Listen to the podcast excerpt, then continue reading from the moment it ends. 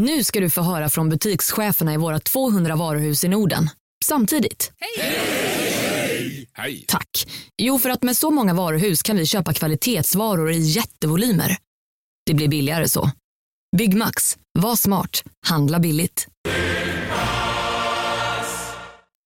Dagens vinnarprognos från Postkodlotteriet. Postnummer 65209, klart till halvklart och chans till vinst. 41101, avtagande dimma med vinstmöjlighet i sikte. Övriga 10 500 postnummer, soligt och möjlighet att vinna. Oavsett när sommaren kommer till dig så kan du och dina grannar få dela på 48 miljoner i sommaryran. Ta chansen nu i maj på Postkodlotteriet.se. Åldersgräns 18 år. Kontakta stödlinjen om du eller någon anhörig spelar för mycket. Du lyssnar på en podd från Perfect Day. Herregud, alltså, vi ska alltså jobba eh, igen, höll jag på att säga. Det är helt sjukt. Nu drar det igång. Ja. Jag är inte redo för det här. Nej, men jag, jag, låg i, jag har ju varit hos frisören idag. Eh, Du är så fin. tack! Men alltså, jag har ju Snyggt. satt i lite hår från Hair Talk eh, som jag har fått sponsra av, så underbart. För att, grejen är att det sliter ju mindre på mitt vanliga hår när jag har i det, tycker jag. För att man stylar, liksom, det håller sig längre. Alltså, ni ska se Hanna nu. Hon slänger med sitt hår som aldrig förr. Ja. Det är så långt Ja, är och så tjockt långt och, och fint. och fint. Och Maria, min frisör, hon har ju gjort helt fantastiska eh, slingor och färg, så att det är så, det är så himla snyggt gjort. Apropå Ja, det med hår, eh, så jag har ju haft, gått till Maria i kanske fyra år, för att för fyra år sedan så tappade jag i mitt hår hemskt, det bara gick av. Och nu när vi pratade med Monica Björn så fick jag ju min förklaring att förmodligen gick jag ju in i förklimakteriet där och då. Men Ah. men då trodde jag att det var så här, sorgen efter att då hade det gått ett år sedan pappa dog, att kroppen började läka och nu släppte den håret. Jag hade hittade, försökt hitta massa liksom, förklaringar. Men jag hittade i alla fall Maria i den här krisen. och sen dess har hon tagit hand om mitt hår och eh, det har blivit otroligt eh, tjockt eh, på de här åren. Det sitter mycket i håret hur man mår. Ja, man kan ju se på ett, ett hår om, om det var liksom massa olika saker, brister på saker. Och, eh, en duktig frisör kan ju verkligen läsa av jättemycket av hur man mår på håret. Men när jag låg där i schamponeringen så sa jag också till henne, eh, idag för er som lyssnar så är det alltså måndag och på fredag åker vi till Skellefteå och ska spela en föreställning som vi inte har gjort på två månader. Så jag låg i schamponeringen och bara, jag, kom, jag vet inte om jag kommer ihåg den. Jag fick lite stress Nej. idag Jessica. Alltså jag har ju en passningslista Mm. och jag är ju bakom scen, så jag behöver liksom inte fejsa någon om jag inte kommer ihåg mer än er som jag känner.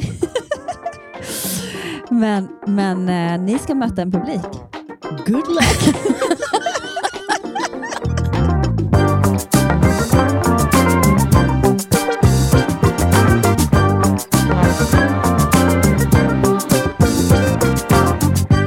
Jag var tvungen att kolla om jag hade satt på min mikrofon. Jessica. Ja, Jo, det har vi. den lyser och den är på. Men vi har inte klappat och vi har inte liksom, vi bara körde rakt Ja, på. vi, det är lika bra. Alltså rakt in i vårt samtal om... Eh, det skrapar diadem. väldigt mycket när du slänger med ditt hår. men gud, inte i min lyssning. Ja, jag, får, Nej, jag, försöka, jag, högtalare. jag får försöka sitta still, men det är så svårt när man har sånt här reklamhår som jag har nu idag. jag vill bara gå runt och slänga i slow motion med mitt hår. Jag har till och med lockat mitt hår. Jag är också ganska fin. Du är jättefin, men du är alltid För det är ju fin. alla hjärtans dag idag. Det är ju det. Har du fått någon present? Ja, du fått? den här tröjan. Fin! Och så står det på Today, tomorrow and forever. Mm. Och så fick jag ett jättefint kort där det stod liksom jättefina saker. Vill du inte dela dem? Eller? Eh, Nej, det var väldigt privat, Mm. men liksom från dag ett till där vi är nu. Jättefint skrivet. Han är väldigt bra på att skriva och formulera sig. Eh, och Sen så fick jag sån här eh, Apple Key, eh, bla bla bla, sån här som man sätter på nycklar och telefoner. För att jag gav ju bort min till, som jag fick av en kompis till Linn.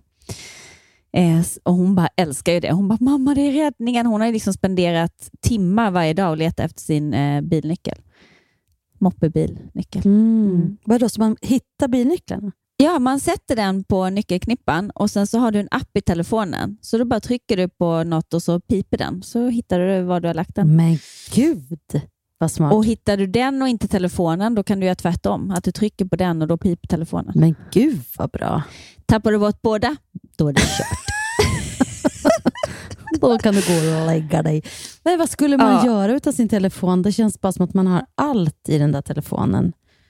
Men det, man har också väldigt mycket i cloudet, Mm. thank God. Mm. Så att även om man tappar bort den så har man ju förhoppningsvis sparat det mesta. Men vad gav du Magnus då? Nej, men det här har varit så jobbigt, för jag har faktiskt varit lite hängig den här veckan och var, bara varit hemma, så jag har liksom inte förberett någonting. Jag har inte köpt någonting. så att jag i natt så, eh, ja, men, och han har liksom köpt grejer till både Linn och Colin och alltså, han är ju så gullig. Eh, så jag känner mig som världens sopa, för att jag har inte kommit på något och jag har inte liksom... Och då så sa jag till honom, i natt. Jag bara, du jag tänkte på det där. Jag vet ju, för han har planerat någonting ikväll. Vi ska gå ut och käka middag. Och, ja, vi ska gå ut och käka middag helt enkelt. Eh, och, då sa jag, och han har bokat massage också. Men gud vad grejer. Ja, han är goodie. Men, och då så sa jag, jag tänker eftersom du har styrt upp massage och middag och, och jag har liksom inte varken hunnit eller haft någon inspiration att liksom komma på något. Och Det är det värsta jag vet om man bara ska liksom tvångshitta på eller tvångsköpa någonting. När man, det kommer inte till en och jag brukar vara ganska bra på det. Men liksom inte, Äh, men jag är nere i en sån svacka just nu hormonellt. Och då, det går inte. liksom. Jag bara, ska vi inte göra så att vi tar vartannat år? Så nu får det här vara ditt år Mm. och så kan jag bara njuta, slippa ha dåligt samvete och unna mig att du pysslar om mig och så nästa år då måste du lova mig att inte göra någonting för då är det jag som styr upp hela. Mm. Ja, eh, Okej, säg vad du tänker. Jag tänker att, att det är så... Men hur... Okej, så här tänker jag. Varför kan... Jag tyckte det var en jättebra idé. Jag trodde du skulle säga fan vad smart. Och så bara hör jag tystnad och hmm. Nej, men för vet vad jag hör? Det är att du bara kan liksom tillåta dig att, att han tar hand om dig och du får njuta om du har lovat att du får göra samma sak nästa år för honom. Uh, menar du, skulle inte det vara ego då och bara ta emot och inte ge? Eller du tänker att det kan jag göra, när, jag, behöver inte vara liksom, jag behöver inte uttala det, utan det handlar, livet handlar om att ge och ta. Jag kanske inte hade Precis. behövt säga det. Precis. Mm. Det varför, kan, varför behöver du säga det för att känna att du får ta emot det han vill ge? För det är också så här, ger man för att få eller ger man för att ge? Jag får intrycket av att Magnus är en person som, när han ger, då vill han ge. Han förväntar sig inte något tillbaka. Och han tycker, 100 och han tycker kanske att du ger tillbaka eh, massa saker och eh, tjänster ändå. Och Det här är bara en alla hjärtans dag, men att du liksom tillåter dig själv att få njuta av allt han vill ge dig om du får lova honom att göra samma sak nästa år. Mm. Det var, det, det var därför jag blev tyst och tänkte, hmm. Mm. Men det är en bra idé. Det är en bra idé om det tillåter dig att njuta, för du är värd att bli omhändertagen och du är värd att få presenter och du är värd det.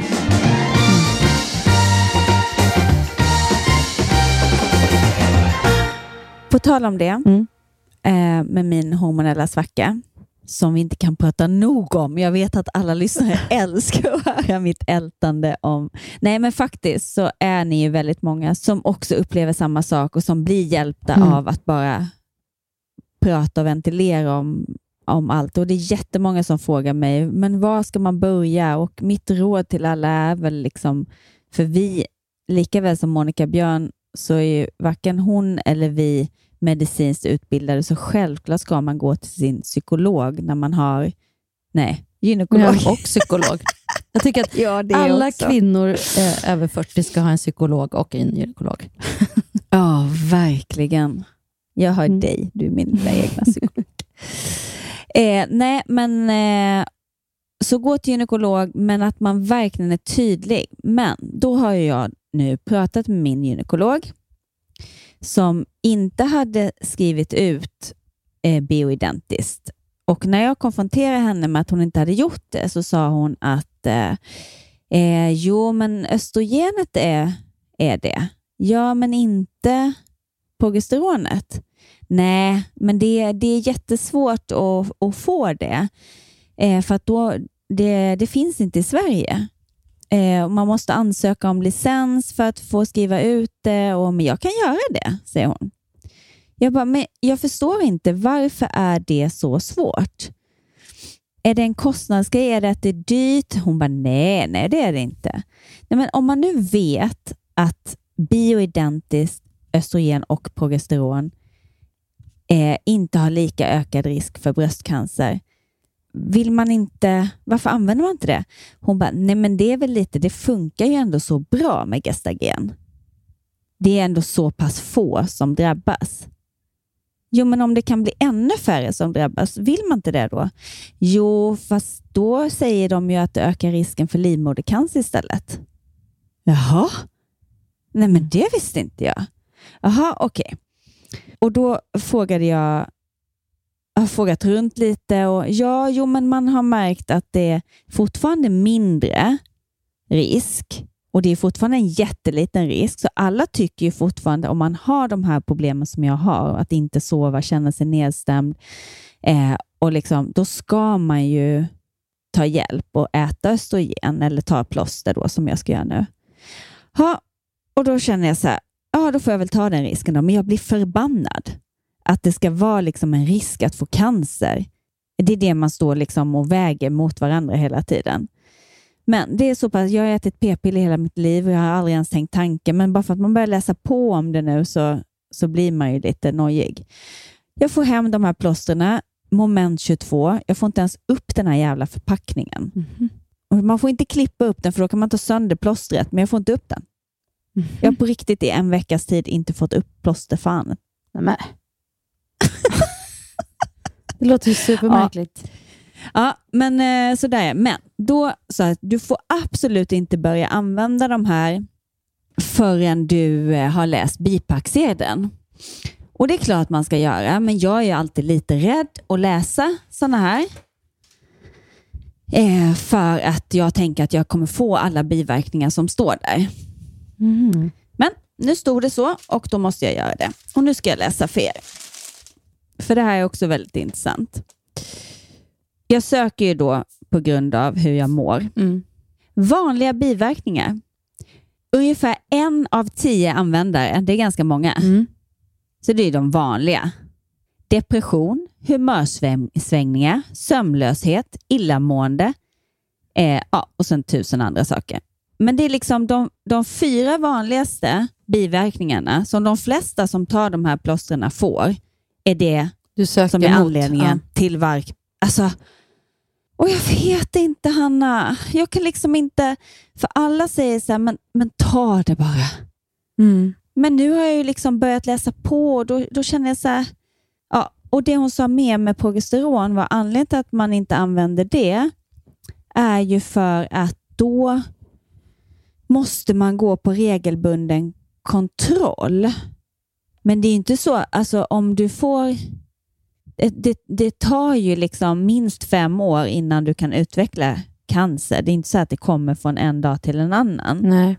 vad jag förstår. Alltså så här, men, men det här med livmodercancern. Ska jag, förlåt, nu är det en liten paus, paus, paus. Jag måste bara hitta ett meddelande här. Patienter som får bioidentiskt progesteron kosta mer eftersom det kan ta tid att ställa in rätt dosering samt att man ska gå och kolla slemhinnan regelbundet. Först efter tre månader och sen var sjätte månad. Eh, många gynekologer är osäkra på hur man jobbar med bioidentiskt progesteron och säger hellre nej än lär sig. Och sen står det, viktigt att förstå att cancer i livmoderslemhinnan inte poppar upp över en natt utan först blir livmoderslemhinnan förtjockad och skulle man sedan se det under ett ultraljud så råder man bot på detta genom att blöda ut eller skrapa slemhinnan. Det är alltså inte åh, förtjockad slemhinna, nu är det kört. Men, men jag har ju en kompis som är läkare och specialistläkare och så har jag en kompis vars man är gynekolog. Och jag har ju pratat med dem om det här, att det är liksom, när vi nu har börjat prata om det här ämnet. Och De hävdar ju lite så att, också att när, när jag sen så här, min kompis man, som ändå är gynekolog, säger att eftersom att livmodercancer är det absolut svåraste att upptäcka. Han har ändå jobbat som gynekolog och förlossningsläkare och chef eh, eh, på förlossningssjukhus, eh, alltså många år och är otroligt kunnig och påläst. Och Han säger att det är väldigt, väldigt svårt att, att upptäcka livmodercancer, så han vill ju att då min kompis, hans fru, ska ha en, eller råder att, att ha en hormonspiral och även råder mig. Alltså jag tänker att då, då är det ändå någon som är otroligt kunnig som liksom råder sin... En sån person är också inläst på eh, andra risker med till exempel hormonspiral. Och även då min vän, eh, läkare, hon har en kompis som också är gynekolog och nu eh, chef. Eh, hon hade också den åsikten att, att det väldigt bra med en hormonspiral. Mm. Eh, och Då tänker jag så här, som min vän sa också, så här, ja, det är inte så att man är emot det bioidentiska, men hon bara, men det är också så här, när någonting inte finns forskat jätte, jättemycket, för det du nu har gjort Jessica, det är att du också lite grann har bestämt dig för och ingen vet ju, och det sa min vän också, men jag tänker att jag har ju lyssnat lite nu på det här andra skrået, då, liksom läkarskrået. Eh, och de är ju inte lika övertygade inte bara för att det är krångligare eller dyrt, för vi pratade verkligen nu så här off record, att så här, är det det, kostnad? Och så diskuterade vi eh, det och så sa hon att men det är också det att det är ju inte tillräckligt forskat till skillnad från det andra. Sen pratade vi vidare och sa, ja, men varför är det inte tillräckligt forskat? Är det för att eh, ha det med pengar att göra eller har det varit att man inte har pratat om förklimakteriet tillräckligt länge för att liksom, ta den typen av forskning på allvar och verkligen forska? Så, och det vet man ju inte, utan man måste ju någonstans följa, följa sitt eh, hjärta. Eh, och likadant ja. som du gör nu. Alltså din rädsla för cancer känns det som styr ditt val av ja, östrogen. Vet du vad jag blir mest eller jag blir ledsen över att för det, de flesta, alla, oavsett om man pratar med en, en eh, läkare eller om gynekolog eller eh, någon som är påläst inom hormoner och hälsa, och, så är ju alla väldigt tydliga med att man ska be inte behöva gå omkring och må så här och ha de här problemen, utan då ska man få hjälp. Mm. Och, och att risken är så pass liten så att de alla råder ju en till. Och Det jag känner att jag gör nu mm. är ju att jag skrämmer upp mig själv. Mm. Jag skrämmer upp alla er som lyssnar. Och det vill jag inte heller. Jag vill ju hitta så här, det här kan man vara trygg med, men det finns inget sånt. Nej, men, och Då tänker jag, så är det väl med, egentligen med hela livet. Det finns ju inga garantier för någonting. Alltså, ja, jag tänker det ibland så här, jag har en hormonspiral men det betyder ju inte att jag och, och, kanske då att det ger en liten minskad risk mot livmodercancer, men då kanske en ökad för bröstcancer om jag tar det östrogen. Och det är alltså, fortfarande en pytte, pytte, pytteliten ökad ja, risk. Men och, utan någonting så kanske det hade varit någon annan... Alltså jag bara tänker så här, det beror på också vad man... Ja, men då liksom riskerar man psykisk ohälsa, mm. men, men det är liksom pest eller kolera kan man ju tycka då. Men det är det ju inte. Det är ju inte så illa. Det är inte så. Men sen har jag en annan kompis som faktiskt började på antidepp och, och bara kände att hon fick livet tillbaka. Eh, mm. Och inte tog några, inget östrogen eller hormonspiral, utan hon började med lite antidepp och kände att hon fick livet tillbaka liksom, från 44 år och framåt. Ja. Alltså det är ju också ett, och det, ja. mm. Ja, och det, det känner jag också. Jag fick eh, ett mejl här. Hon bara, jag vill inte börja med antidepressiva. Hur, vad ska jag göra? Jag mår jätte, jättedåligt och jag känner precis som du har beskrivit dina liksom, PMDS-besvär. Och då vill jag verkligen slå ett slag för antidepp i en övergångsperiod. För att antidepressiva i, idag är inte som de var förr. Eh, det är inget svårt att sluta med dem sen om man vill, utan eh, en, en jätteliten dos och du kan få livet tillbaka. Det är liksom, och Sen kanske du kan hitta andra sätt sen med vitaminer eller om du hittar liksom vad, vad det egentligen beror på. Så att jag, jag gillar inte när man skriver ut antidepp för att man inte orkar gå till botten med problemet, som läkare alltså. Men, men eh, som person när du mår riktigt dåligt, att ta antidepp, är, man ska inte vara så rädd för det ändå. Jag har ju varit lite rädd för det, för jag har det där gamla i mig att jag tänker att folk, att man mår så mycket sämre när man börjar, innan kroppen har ställt om sig. Och, ja, överlag, jag har ju inte ens ätit p-piller i hela mitt liv, så att jag, jag tycker Nej. att det var jobbigt det här med hormonspiralen också. läste på jättemycket, och liksom, för att jag tycker det är jobbigt att tillföra kroppen saker. Liksom.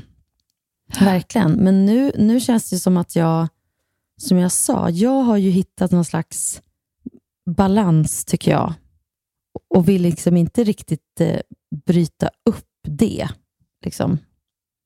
Så därför kanske inte jag lyssnar så mycket på den här cancerrisken, bara för att jag inte vill höra den. Men du, hör jag, är ju väldigt inne på den. Ja, men jag, jag blir mer frustrerad också över att det är så, att man bara ska acceptera att det är så. Men jag, jag är för lite påläst för att säga att det, det forskas för lite, eller är det det som är anledningen? Eh, är det att, det att det är en kvinnosjukdom som gör att man inte forskar så mycket? Krävs att en man ska ställa sig upp och säga det här är för jävligt? Det måste väl finnas ett annat liksom, preparat som hjälper oss kvinnor som inte är cancerframkallande? Men det kanske och förenkla det lite. Alltså... Ja, det är också förenklande kanske att säga att det är cancerframkallande, för det är ju inte. Det är en liten, de har, med all forskning så har man visat på en liten ökad risk.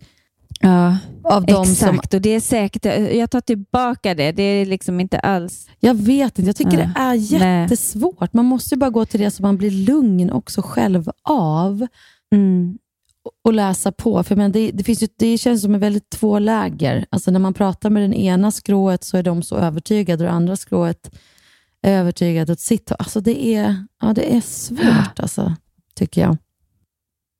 Ja, jag tycker vi lämnar ämnet och jag vill inte skrämma upp någon. Jag tänker nu börja med plåster och jag hoppas att jag ska få sova igen. Ja, men, och jag tänker, men när du pratar om att du liksom känner att du så är ur gängorna och hormonellt är ur balans, vad är det då som du skulle säga är ditt mående? För Det tycker jag också är viktigt att prata om. Den här, vad, vad är det som kännetecknar? Liksom? Är det här att man plötsligt blir väldigt skör, väldigt eh, känslig för vad andra säger och tycker? Eller, och sömnen? men jag, Va, ja. jag, jag blir ju, alltså, jag har inget tålamod. Jag blir väldigt trött. Jag tycker ingenting är kul. Jag vill inte hitta på någonting. Jag vill bara vara själv. Ja, men jag, jag har lite svårt för eh, människor. mm. Och det är ju inte jag. Nej. Jag träffade en som beskrev just att den inte riktigt kände igen sig själv, som hade haft covid. Och Så pratade jag med en annan tjej som jobbar just med post-covid-patienter, som sa att det också kan vara en, en eller har man, har man sett att det är ett slags post-covid-symptom också? Ja, att man blir så Men jag har ju inte haft nedstämd. covid, det är ju det. Nej. Nej, jag menar inte att försöka hitta anledningen, men jag tänker att just de där bitarna när man liksom inte känner igen sig själv, eller att man har tappat sin liksom spark. För ibland kan jag tycka att det är svårt att sätta ord på. Liksom. Jag har också haft en sån enorm kris, alltså ibland sätta ord på vad det är som är vad det är som händer i en, liksom, när man är... Just det där att inte det som vanligtvis man finner glädje i, finner man ingen glädje i. Eller att man blir väldigt så här, gråtmild. Eller, och framförallt att man blir så otroligt trött av saker som inte brukar trötta ut en. Ja. Ja, och jag vill bara säga att jag hoppas verkligen, jag tänker det, A och O Jessica är ju verkligen sömn. Gud, Gud, alltså, jag vet inte. Jag, jag är ju liksom sömnpolis för, på mina barn och på mig själv. För att jag, jag vet att sömn, eh, för mig i alla fall, är totalt livsviktigt. När jag fick Ida, eh, för 18 år sedan och inte hade förstått det, att sömn var livsviktigt för mig, då hamnade jag verkligen i en sån neråt spiral och bara, nej, jag, jag orkade ingenting. Jag fann ingen glädje, liksom, fast jag visste att jag hade massa saker att glädjas åt och jag kände mig lycklig och glad och, och tacksam och privilegierad och allt det här. Eh, och så började hon, eh, eh, på dagis kom jag och så gick jag hem och liksom sov några timmar eh, och bara fick livet tillbaka för att jag började sova. Ah. Det var så enkelt. Det var sömn just då. Eh, Så det är också en Jo, grej. men jag känner ju det. Alltså, jag är ju verkligen så här, mat eh, sömn. Mm. Jag blir ju en riktigt oskönt tjej. Men det var också någonting som Magnus skrev. Sluta aldrig att vara... Sova. var inte- Nej. Sluta aldrig sova för i helvete. Nej, men han skrev någonting om att sluta aldrig vara du och, liksom, och var inte rädd för att jag inte kommer älska dig trots dina mood swings. Liksom, Jag finns här. Fint. Ja, det var väldigt fint. Men jag menar, där finns det ju hjälp att få att sova som inte är eh, fr- cancerframkallande eller någonting. Ja. Så det kan man ju ändå Sant. börja med om man märker att sömnen håller på helt barka åt skogen, för att använda ett gammalt uttryck. det barkar åt skogen med min sömn. Ge mig någonting.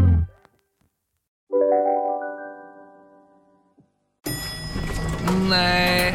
Dåliga vibrationer är att gå utan byxor till jobbet. Bra vibrationer är när du inser att mobilen är i bröstfickan. Få bra vibrationer med Vimla. Mobiloperatören med Sveriges nöjdaste kunder enligt SKI. Om en sous vide är på väg till dig för att du hörde en kollega prata om det och du råkade ljuga om att du också hade en och att den var så himla bra att maten blev så otroligt god och innan du visste ordet av hade du bjudit hem kollegan på middag nästa helg för att du sålt in din lågtempererade stek så bra att du var tvungen att beställa en på nätet fort som attan. Och ja! Då finns det i alla fall flera smarta sätt att beställa hem din sous på. Som till våra paketboxar, placerade på en plats nära dig och tillgängliga dygnet runt. Hälsningar Postnord. Välkommen till Unionen. Hej! Eh, jo, jag ska ha lönesamtal och undrar om potten. Ja, om jag kan räkna med övertidsersättning för det är så stressigt på kontoret jag jobbar hemma på kvällarna så kan jag då be om större skärm från chefen för annars kanske jag säger upp mig själv. Och hur lång uppsägningstid har jag då? Okej, eh, vi börjar med lön. Jobbigt på jobbet. Som medlem i Unionen kan du alltid prata med våra rådgivare. Men jag vill veta, jag såg på Instagram att du var med Kajsa och gjorde någonting. Ja, men jag fick ju i present av Kajsa vinprovning i Gamla stan. Så himla kul present. Och Det gjorde vi igår och det var så mysigt.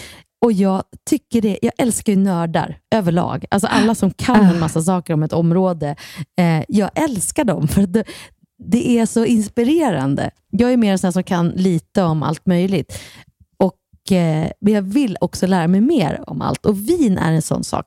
När jag jobbade på Wallmans, då lärde man sig att servera och liksom fick lära sig om vinerna vi hade i det sortimentet.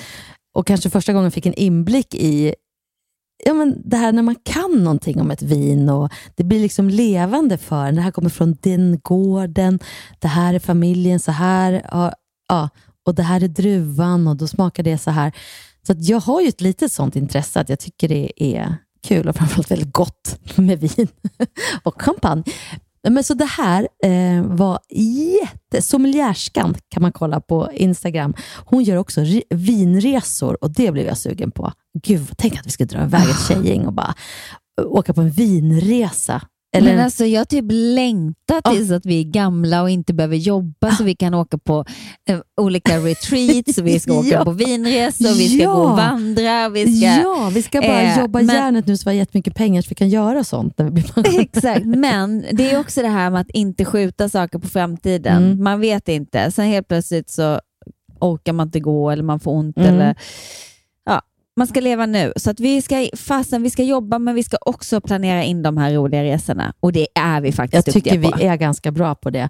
Men Mm. det här har jag inte varit på, en, en sån regelrätt vinprovning och hon har det två gånger i veckan. Så det kan vi verkligen göra. Det var jättekul och det var några timmar. Då fick vi lära oss om en helt ny druva som heter Chenin Blanc, eh, som jag hade, aldrig hade druckit. Och plötsligt så fick man så här, en helt ny druva att höra om och så hade hon olika viner och en gammal operasångare som hade gjort ett vin som nu bodde i, i Frankrike och en kvinna som bodde i Sydafrika som var från Tyskland men som kallade sig för Wolf-kvinna för hon kände sig som halv varg och halv kvinna. Det var så spännande bara att höra de här personerna som då liksom har börjat göra vin och köpt en vingård. kan vi bara backa lite? Hon känner sig hälften som Ja. och hälften som kvinna. Ja. Och det säger du bara som att det var det mest naturliga i hela ja, men det, hon var så öppen med det. Hon hade ju gjort en litet så här, äh, trademark av det också, för hela flaskan Ja. var jättesnygg. Men det var så här en kvinna som såg ut som halv halv varg och halv eh, kvinna. Lite så här krigarkänsla på hela etiketten. Uh. Nej, men jag, tycker, jag tycker det är jättespännande. Men också de här personerna. Plötsligt så vill man ju åka till henne i Sydafrika och träffa den här kvinnan och få gå där och smaka på hennes druvor som man vet att hon inte vattnar, för det tycker inte hon att man ska göra, utan de ska leta sig ner själv i jorden och hitta. Liksom. Eh, men hon, jag blev ju bara nyfiken på henne som person och även den här gamla operasången.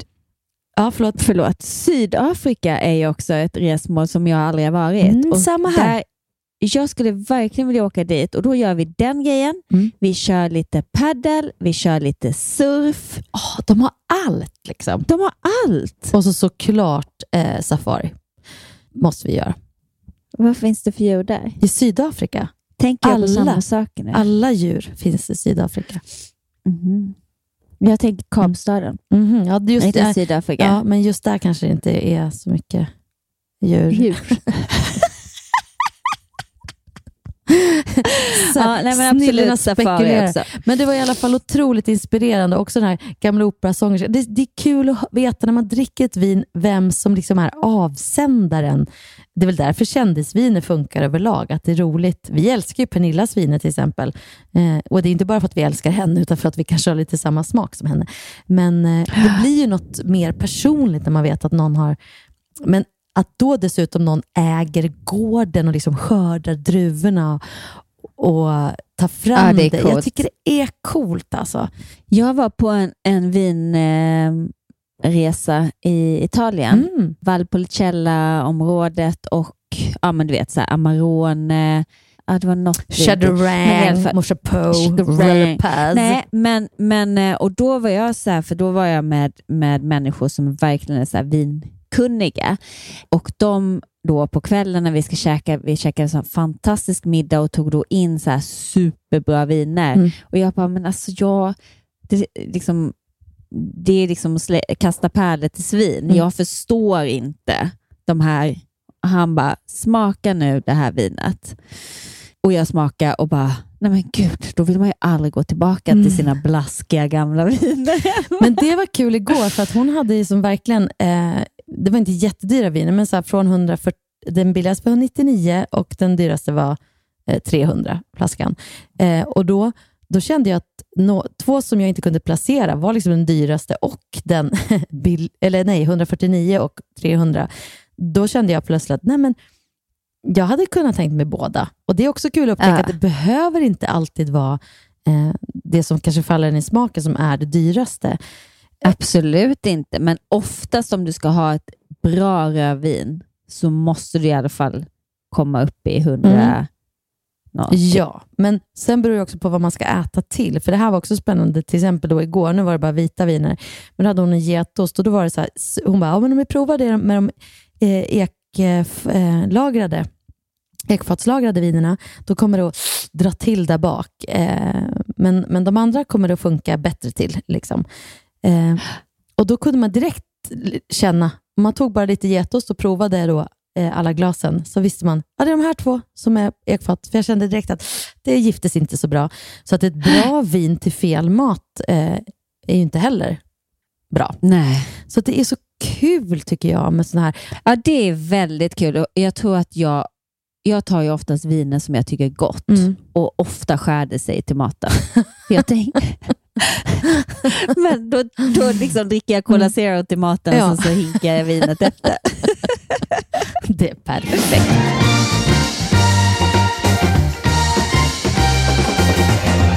Men du sa något annat du skulle berätta för mig. Ja men gud. I, förr, för, nej, onsdags så är jag och Saga och ska handla. Jag kliver ur bilen Eh, och så går vi in mot affären och så hör jag bara pang, alltså en riktig smäll. Och så bara och ser en ganska stor bil backa ut eh, från parkeringsplatsen bredvid min. Jag bara, nej. Nej. Och då går jag bort till bilen och eh, då ser jag att det är en ganska skärrad eh, kvinna som sitter i bilen som vänder och kommer tillbaks. Och då har ju hon dragit rakt in i min eh, baksida. Och hennes barn skrek och hon hade, det var, hon, den brukar ju varna och det där är väl problemet. Man har vant sig vid att man har en bil som piper och varnar om det är någonting. Ah, och min bil är är lite det- lägre, kanske inte syntes, plus att de skrek så hon inte hörde och kanske stress gör ju så jag, det var ju fullt mänskligt och hon var ju hur gullig som helst. Vi försökte liksom ta bilder och hennes barn grät och ropade mamma, mamma och Saga började gråta. Mamma, din bil! Ja, du vet, det blev så här kaos. Vi bara, nu tar vi det lugnt, nu tar vi det lugnt, nu fotar vi, ingen fara, bla bla bla. Så att, det gick ju väldigt lugnt till ändå. Men så säger hon så här, Ja, nej men vi kan höra sen ikväll efter läggning och ja, så kollar jag med min man eh, om det här med försäkringen och så. Och jag tänkte så här bara, nu är det ett sånt här tillfälle att hade det, det här hade jag också åkt hem och, och liksom bett, eller rådfrågat Martin, så här, hur gör man nu? Eller, och han hade säkert sagt, ja men ja, jag fixar det där, jag styr upp, jag pratar med försäkringen. Och så insåg jag att så här, ja, men jag har ju ingen. Det är ju jag. Och så tänker jag att nu kommer det här som ett eh, litet brev på posten när jag har klarat av så mycket annat. Eh, nu kommer det här. Det, det här är liksom nästa område som på något sätt var hans att ta hand om. För oftast är det ju så ett hem, man har delat upp det lite grann.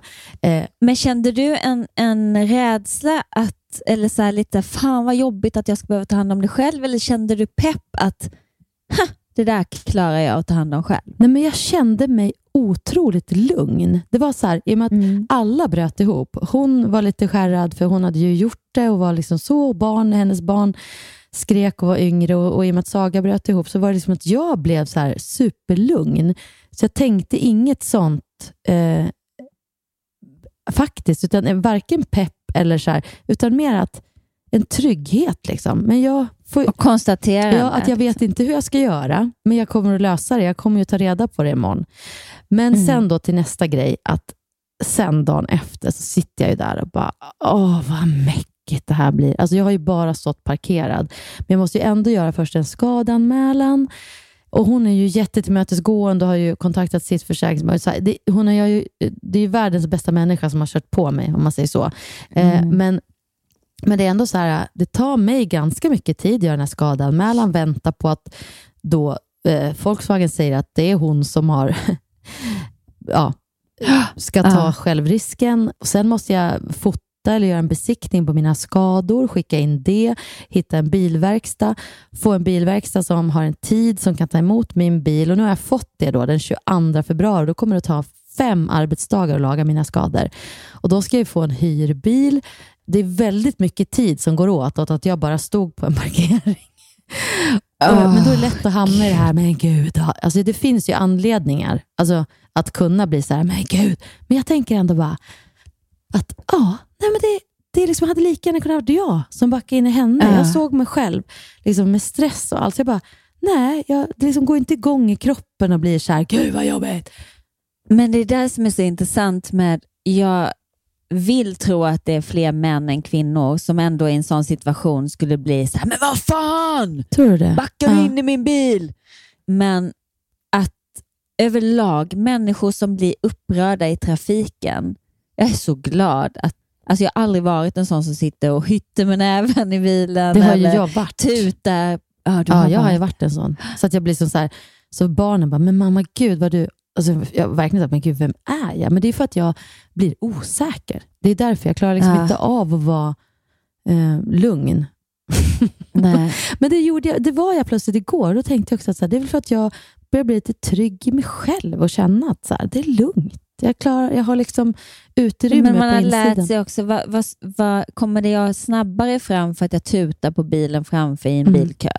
Eller mår jag bättre för att jag tutar hytter med näven med han som bytte fil lite vårdslöst? Det är inte så att han kommer åka därifrån och bara, gud vilken tur att hon tutade på mig. Nu ska jag köra lite lugnare i fortsättningen. Men jag var på en jättespännande föreläsning eh, för några år sedan med en, eh, professor och läkare, eller som, en psykolog som pratar om så här lågintensivt bemötande med, med barn eh, Mm. och egentligen med alla eh, vuxna. Mm. Och så tog han det som ett exempel. Hur många av oss lyckas vara lågintensiva i vårt bemötande i trafiken? Och Då blev det så här fniss och igenkännings... Liksom. Alla bara, "Nej, där är vi inte så lågintensiva i vårt bemötande. För han, han sa det, hur ofta är det så att vi blir omkörda på insidan och så sitter vi lugnt och tänker, ja, men de har nog en anledning. De kanske ska till sjukhuset. Eller de...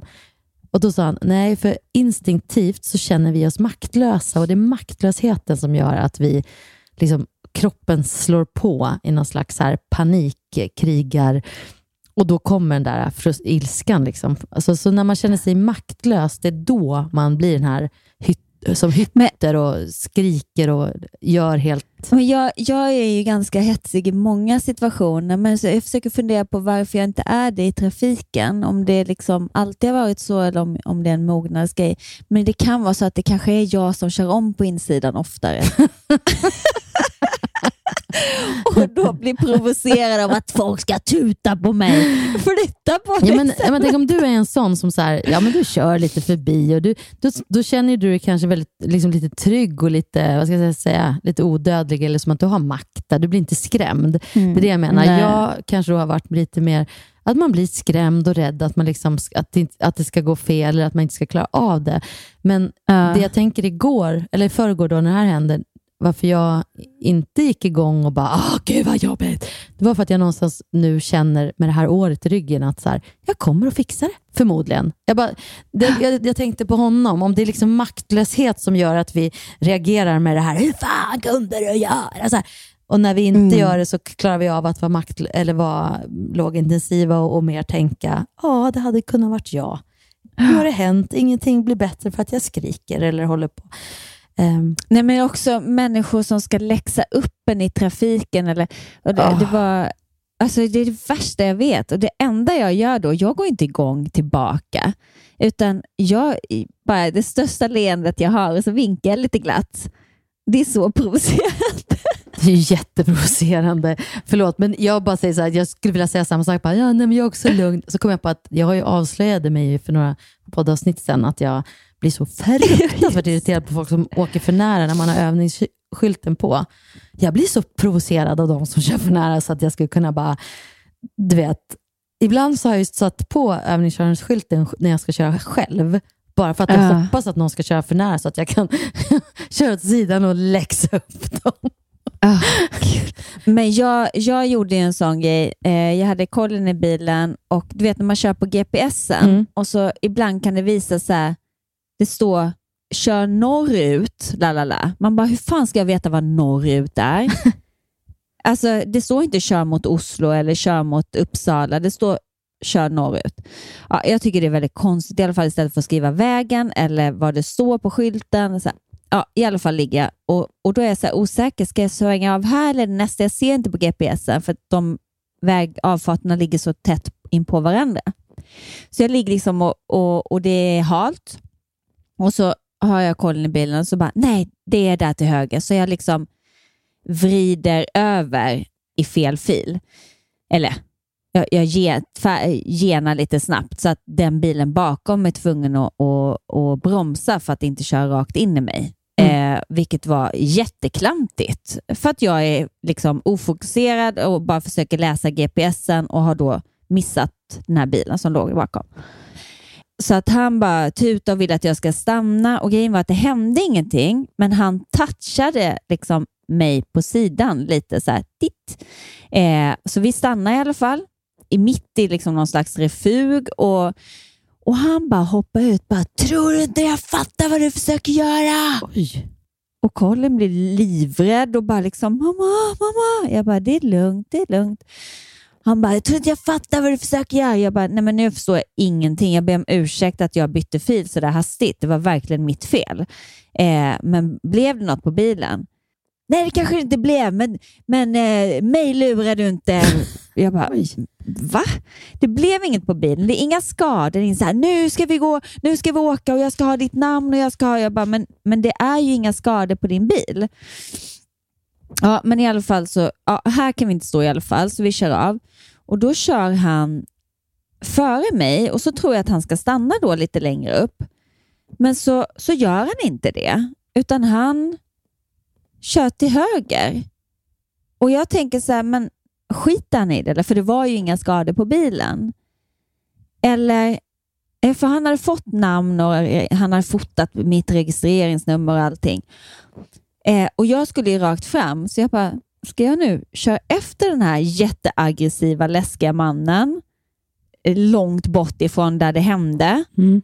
Eller ska jag fortsätta rakt fram där jag, dit jag skulle? Jag bara, do, do, do.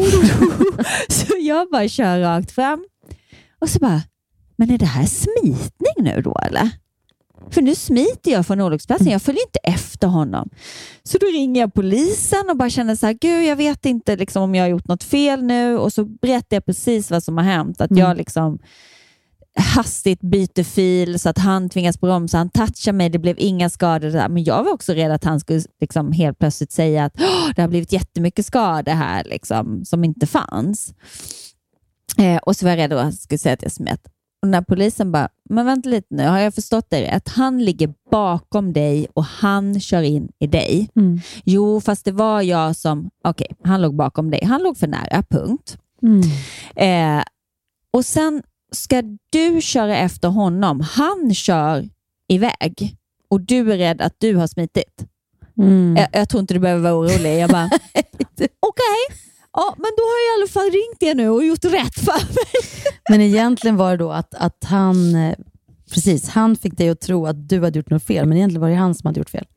Egentligen Ja, var och det du som- var ju jag också. Ja. Helt ärligt. Jag, kan, jag skulle tagit på mig den. Om det skulle varit skador på hans bil Mm. så skulle jag ha tagit på mig den. Jag, skulle inte, alltså jag skulle kunna komma undan och hävda med att han låg eh, för nära, men, men eh, jag var verkligen... Jag, det var helt omöjligt, för jag bara svängde framför honom. Jag såg inte honom. Så det hade jag inte gjort, men, men han var så jäkla aggressiv. Jag vågade inte liksom köra efter och Nej. fejsa honom. Bra.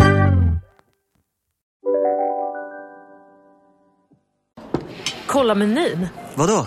Kan det stämma? 12 köttbullar med mos för 32 spänn. Otroligt! Då får det bli efterrätt också. Lätt! Onsdagar är happy days på IKEA. Fram till 31 maj äter du som är eller blir IKEA Family-medlem alla varmrätter till halva priset. Vi ses i restaurangen på IKEA. En nyhet. Nu kan du teckna livförsäkring hos Trygg-Hansa. Den ger dina nära ersättning som kan användas på det sätt som hjälper bäst. En försäkring för dig och till de som älskar dig. Läs mer och teckna på trygghansa.se. Trygg Hansa. Trygghet för livet. Upptäck det vackra ljudet av McCrispy Company för endast 89 kronor. En riktigt krispig upplevelse. För ett ännu godare McDonalds. Men du, en annan grej som har hänt den här veckan. Ja, d- dels där att så här, bli påkörd bonk där man liksom bara står. Apropå det här med att livet är lite fragile. Alltså har kommit till mig den här veckan. Nu händer ju inget farligt, men dels det. Så här, vad, vad liksom, på en gång så bara ändras allt och man måste göra någonting som man inte alls hade planerat att, att göra. Och man börjar tänka så här, men gud, tänk om Saga hade stått där hon inte hade sett hon liksom hade backat på. Men, men så får man inte gå den orosvägen alls. Nej. Nu utan det gick bra, det är bara skador i lacken. Sen var jag ute och gick med, med Lina i början av veckan också. Det har ju varit skitisigt, men, men vi går så försiktigt och vi liksom ser stor isfläck, alltså ingen dold alls. Går på den, men plötsligt så bara tappar jag marken helt och bara, jag bara flyger upp i, liksom, i luften och landar och tänker liksom så här, gud jag måste ta emot mig eh, så att jag inte slår i liksom ryggen, svanskotan. Men glömmer liksom huvudet. Och jag slår i huvudet så otroligt mycket i, i isen. aj. Och bara kände, jag har nog aldrig slagit i huvudet så där mycket i, någonsin i hela Nej, mitt och det liv. blir så här dudunk. Ja. Alltså det blir sån snack Ja. när man ramlar så. Och jag bara ligger kvar och bara, men gud vad händer nu? Bara, nej, jag orkar inte. Nu blir jag liksom skadad också. men eh, som tur var, jag har inte fått, jag fick knappt en bula. eh, inget ont, pyttelite i nacken. Skyndade mig att beställa broddar och sen har jag bara promenerat med broddar efter det. Men två sådana händelser... Förlåt. Heter inte det? Jo, men är man inte typ 80 år när man Det går med kan man broddar? tro. Men jag ska tala om för dig en sak. Ja. Att det behöver man även när man är 47, uppenbarligen, när man ska ut och gå i skogen bland isfläckar. För jag tänkte också så. Nej, men, Men du spänner på dig de där broddarna ja, och går du, ut. Jag tar inte av dem kan jag säga. De, ligger på, de hänger nu. De sitter på mina gympadojor. Punkt. Kommer du ha dem i Skellefteå? Ja, det kommer jag definitivt ha. Men det kommer ni att skratta åt mig då? Nej, Ja. det, det är er jag ska skratta åt. Nej, men på riktigt, jag vill bara säga det också det här med hur fort saker och ting... Nu gick det ju jättebra, båda de här grejerna, men det hade ju lika gärna kunnat gått mycket, mycket, mycket värre. Alltså, jag får inom två grejer under en vecka där man liksom inte gör saker som man inte brukar göra och ändå händer det än. Liksom. Eh, då, då tänker jag så här, gud vad, vad livet är. Det är fragile. Det bara kan ju liksom hända saker. Det är därför jag tänker också på det här med vi pratade om i början med östrogen och hur mycket vart man liksom, de tankarna man när, det är det som Mm. blir det jobbiga. Att saker och ting händer och kan hända hela tiden. Det är ju ett faktum. Frågan är hur mycket vi ska engagera oss i det tankemässigt. Ja, men det fick mig i alla fall köpa broddar och inse att jag inte är så ung längre. Och den här podden är denna veckan sponsrad av Livförsäkringar och bilförsäkringar. Åh herregud. Ja, men gud, alltså. alltså, men- men, jag vet inte hur de ser ut. Jag må, innan jag liksom jag har hånar dig köpt så för här mycket. löparbroddar. De är jättegoda. Det är bara att man spänner på dem på, som gummiband liksom, över gympadojorna. syns ingenting. Men de syns de inte, liksom, Helt plötsligt har man fäste och kan så här, eh, nej, men alltså förlåt, men nu, nu känns du jättegammalmodig som tänker att Nej, men jag känns väldigt ung och naiv. Okej, vi säger så. Jag kanske inte tror att jag kommer halka, men ja, jag kanske kommer halka och då kan och jag sitta... där kan du sitta med lårbenshalsen krossad och Nej, känna men att- alltså lårbenshalsen är väl också så här 80 plus skada? Ja, säg inte det. Säg inte Åh, det. herregud. Men Jag vill bara säga att du ska vara väldigt glad och tacksam att du har en poddkompis, vill jag bara säga. Eftersom att jag har varit Jo. nära döden två gånger den här veckan. Nej, men eh, nästan.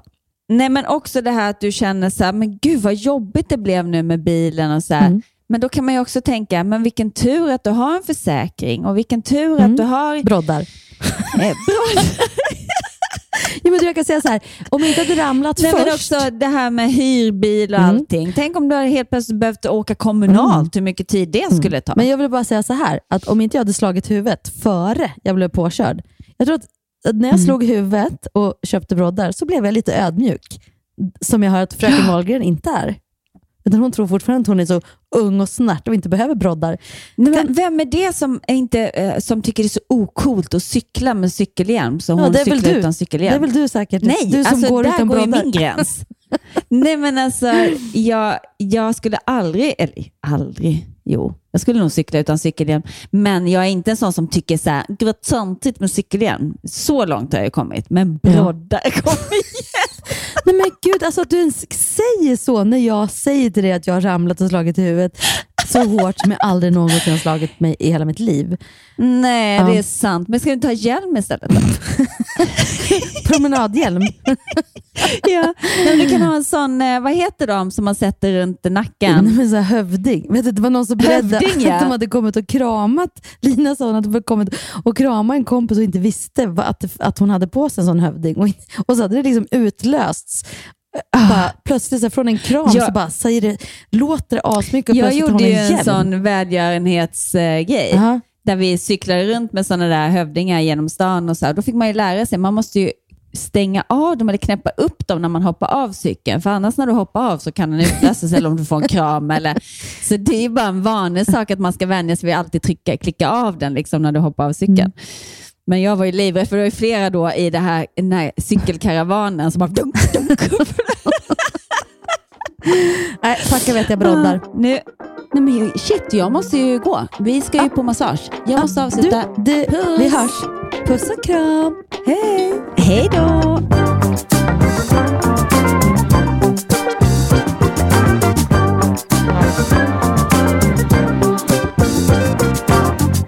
podcasten är producerad av Perfect Day Media.